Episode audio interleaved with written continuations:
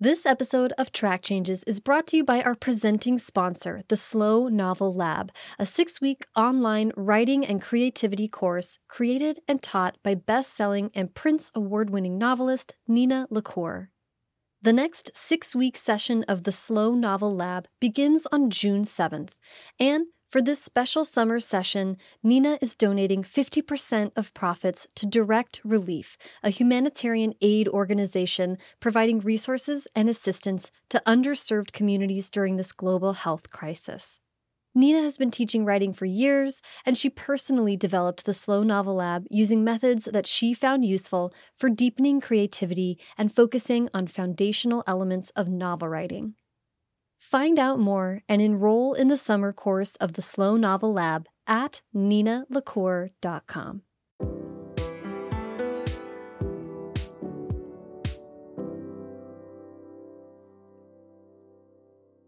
Back in 2015, years before Jennifer De Leon wrote and sold her debut young adult novel, Don't Ask Me Where I'm From, Jen finished writing an entirely different book, an adult book that got her her first agent.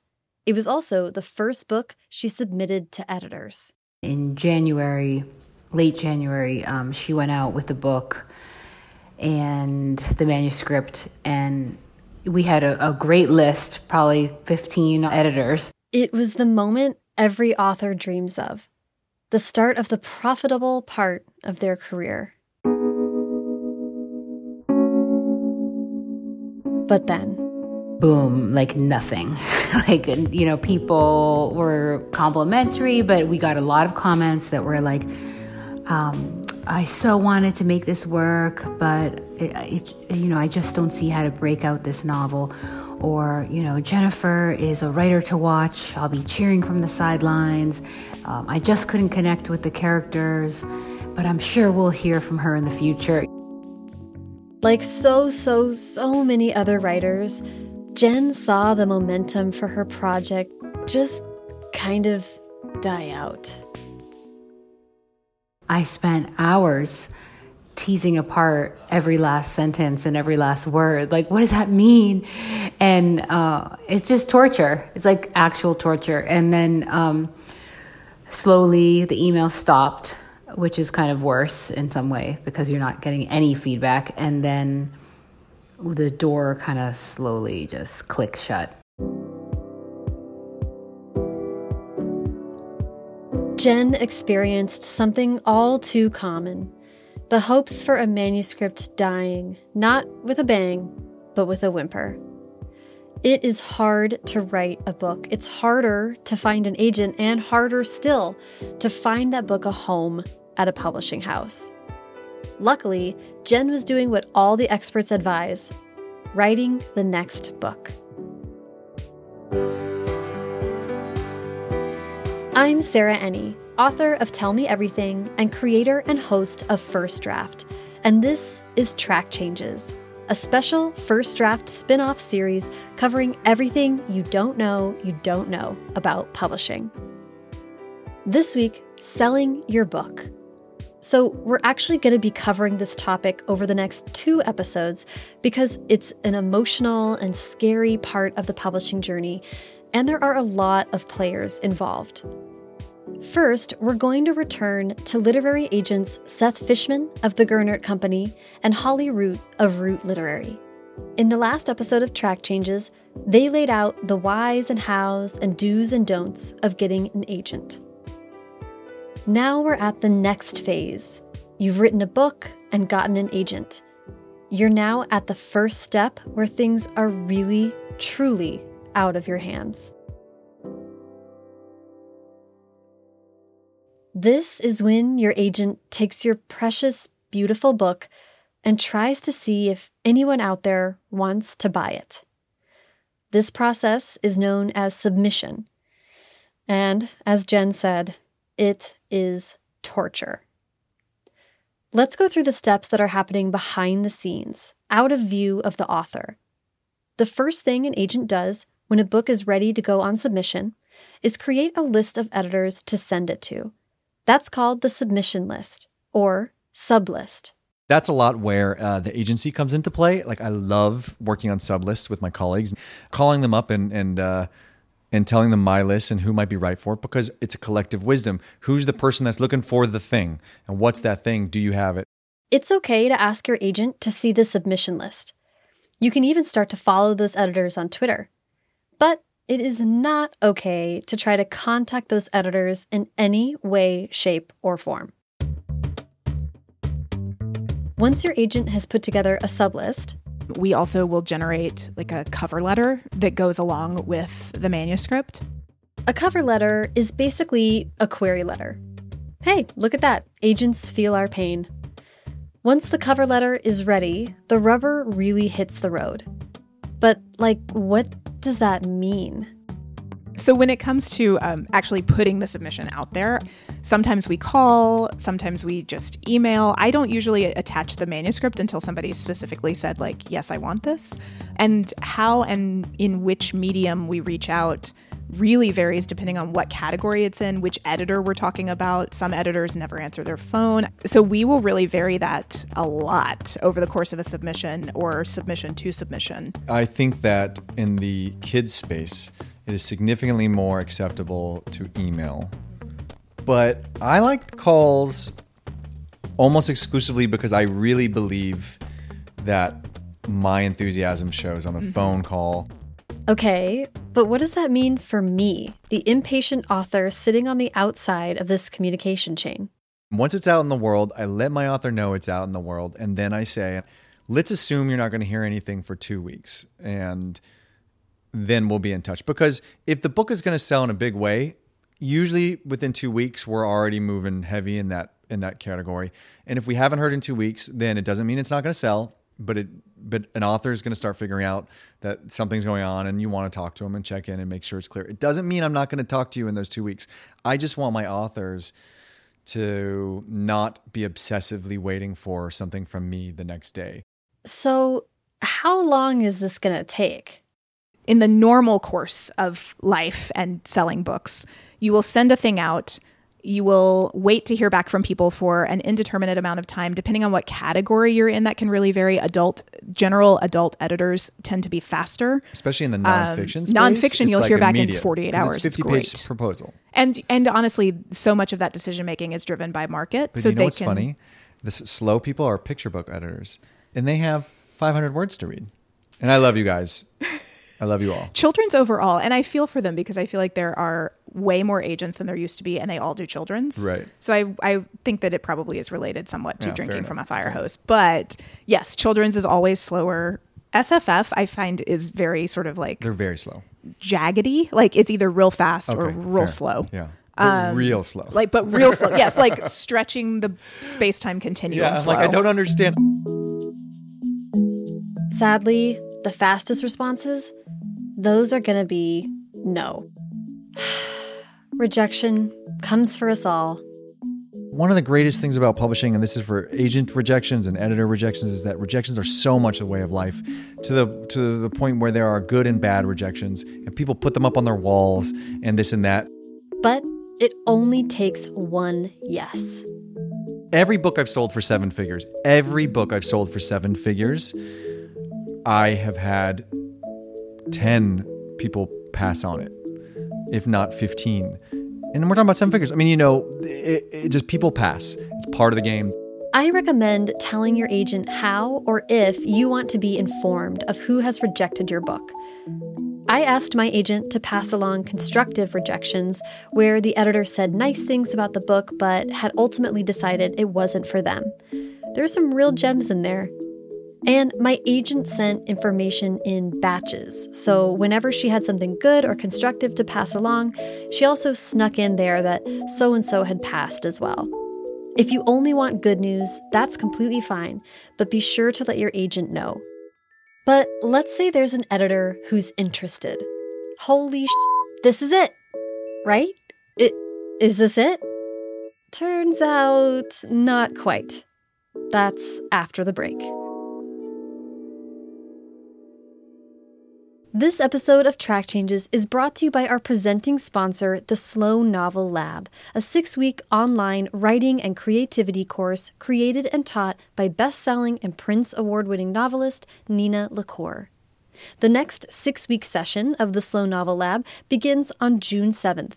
And for this special summer session, Nina is donating 50% of profits to Direct Relief, a humanitarian aid organization that Nina chose specifically because of its commitment to helping underserved communities with populations especially at risk. You can join the Slow Novel Lab if you have an entire first draft of a novel, or only a few thousand words, or even just the faintest hint of a story. The course is designed to be tailored for exactly where you are at. Over the course of six weeks, Nina will guide you through writing explorations, craft lessons, video lectures, and weekly live Q&A calls with Nina herself. A private, moderated forum will also connect you to your fellow students, and that just goes such a long way toward building community and finding great critique partners and people who you can connect with wherever you are in your process. And at the end of the course, the lessons and video lectures remain yours to keep, which is great because then you can go back and reference those whenever you feel like you need to fill your well again. I know Nina was planning on starting the Slow Novel Lab again in the fall, but she bumped up the start date to June 7th for this special summer session to help people who are really in need of a creative boost right now and to help direct relief. You can find out a lot more information and sign up for the summer session of the Slow Novel Lab at ninalacour.com.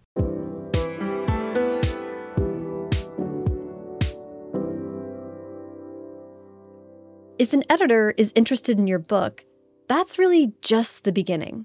We, we send it to an editor, but we're selling it to a publisher. That's why when the editor leaves, the book doesn't go with the editor 99% of the time. So it takes more than just the editor to sign off on the book. When you send something to someone, you're actually sending it to their sales director and their editorial director and someone else and someone else. And there's a lot of people that have to be on board. When an editor has to make the case to buy the book to all the other people they work with, that's a process known as acquisitions. We're going to get into that in way more detail in the next episode, so stay tuned when people are reading things and stuff is taking time and it can be anywhere from you know two to four weeks or two to four months or in some science fiction fantasy cases years we try not to do that. But but they'll eventually people a consensus will emerge. Some people will say no. Some people will say no but i tried with my team and my team said no. And then eventually you'll get people saying i'm working on an offer for this so, if they say they're working on an offer, that means the editor has taken your book to acquisitions, and everyone else at the publisher loves your book too. The editor is now putting together the offer to buy your book. OMG! Now what? But I also think it's such an interesting time to like get really granular about what your author's goals and needs and expectations are, um, because sometimes that overturns really interesting things that I wouldn't necessarily have thought to negotiate for. But when I hear that that's a priority, it gives me a whole new arsenal of things, and then you can do things like get someone to just straight up improve an offer in a vacuum because it's speaking to like the real needs of the author. So, as an author, one thing you can be doing is getting real with yourself about what you want. It's okay if you're if you have an amount of money that feels like it would be transformative. Um, you know, I've had people say, "Well, my student loans are this," and I'm like, "Fantastic, sounds good." You know, challenge accepted. It can be things like that. It can be things like you know, I really want a particular kind of editorial relationship. And knowing that up front helps me prioritize a different kind of editor, but also it may mean that the money looks different depending on, you know, what house that person is at. There are dozens of factors that determine how much money you could expect to sell your book for. The category and genre that you're writing in, whether or not you have a pre existing platform, and so much more. You can and should have a very frank conversation with your agent so that you have reasonable and informed expectations. And then, of course, there's the thing on every author's mind the things about marketing, those are the things that authors always are like that's what I care about. And it's so hard because you cannot guarantee them. It is simply too far out. Okay, back to selling the book. There's a variety of ways a book can be sold. If an editor and their publishing house think you have the potential to be the next huge mega hit sensation, they could try to buy the book before anyone else can bid on it. That's called a preemptive sale or a preempt. A publisher tries to put an offer on the table that's big enough to take it off the table. Correct. And that And so oftentimes there's a timeline attached to it. correct. Like 24 hours or less. end of day today, we Right. have to hear back. Um, that sounds exciting. Let's do it. Right? Actually, Seth and Holly say, hold up. If an editor is looking to buy the book in a preempt, that probably means other people are going to be into it too. If you're going to take a preempt, it's got to be one of the top three, maybe four places if you're doing a larger submission, and uh, you, you know you, that editor has to be the right person. But when you take a preempt, you are taking away choice. You're taking away ten calls, five calls, who knows how many calls, but a number of calls with. Um, editors where they, the author has the opportunity to connect and jive on editorial and really figure out what's going on there. So it's a big deal to take a preempt. If multiple parties are interested in making an offer, your agent will set up what's called an auction. And at that point, this is where it really does become strategy and style, how different agents will play that out really differently. There's not really a consensus on how exactly auctions are done. The normal auction is round robin, where basically everyone has to put in their first offer by a certain time, and then you call up the lowest one and you tell them what the highest is, and they have a certain amount of time to match or beat the highest, and you keep going as they drop. I out. love round robin because it allows you to be the most transparent, and I think editors should love it too. It takes a ton of time. ton of it's a time. huge day eater, but it's the like clearest cut. But I ran one recently, and several of the editors were like, "Huh?" Like they'd never done one. Holly cautions us all to pump the brakes. It's fun to talk about the like the auctions and the preempts because they're wacky and they eat your entire life and like the lives of everyone involved in them and they generate a lot of industry gossip. But for the vast majority of books, preempts and auctions are not a factor. It is more common, more books are sold. I sent it out, I got one offer. We got the offer better, we took it at the end, then are sold at auction for seven figures. Yes, absolutely. And remember, it takes one, right? It just takes one. Basically, there's no one standard way to sell a book, but your agent should be keeping you in the loop at all times, answering your questions, providing context, and helping you establish reasonable expectations. Be clear with them, but also be willing to change your mind based on their advice and counsel. when I'm in my like positive headspace, I like to think about like the framing of the answer to so many of the questions being like nobody knows and I can't tell you.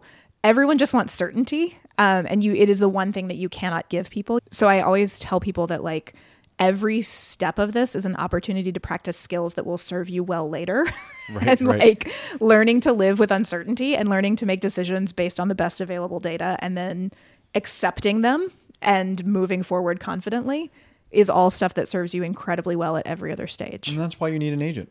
You That's need why an you need an agent agent. because you need someone to be able to help you navigate that.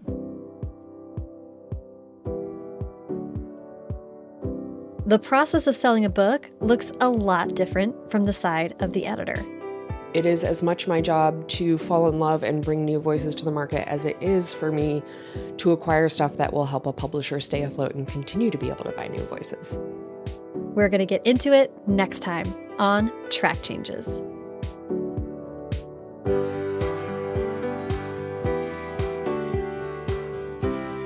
You can follow Seth Fishman at Seth as Fishman on Twitter and Holly Root at H Root, and find Jennifer DeLeon at jenniferdeleonauthor.com. You can follow me at Sarah Enni on Twitter, Instagram, and everywhere. Follow at First Draft Pod on Twitter and Instagram, and head to firstdraftpod.com slash track changes for more information and updates on track changes. You can also join the First Draft Facebook group. That's at facebook.com slash firstdraftpod. Join the group and be a part of the conversation. If you're ready to go deeper on the publishing process and get some original industry reporting from me, sign up for the Track Changes newsletter. For $5 a month, the Track Changes newsletter will hit your inbox every Thursday with information that provides context, up to date, and behind the scenes data that will educate and empower you no matter what stage of the publishing journey you're at. Sign up for a 30-day free trial at firstdraftpod.com slash trackchanges. You can support Track Changes by subscribing to the First Draft with Sarah Enni podcast, wherever you're listening to this right now. And please leave a rating or review on Apple Podcasts. It only takes a couple minutes and it helps the show a ton.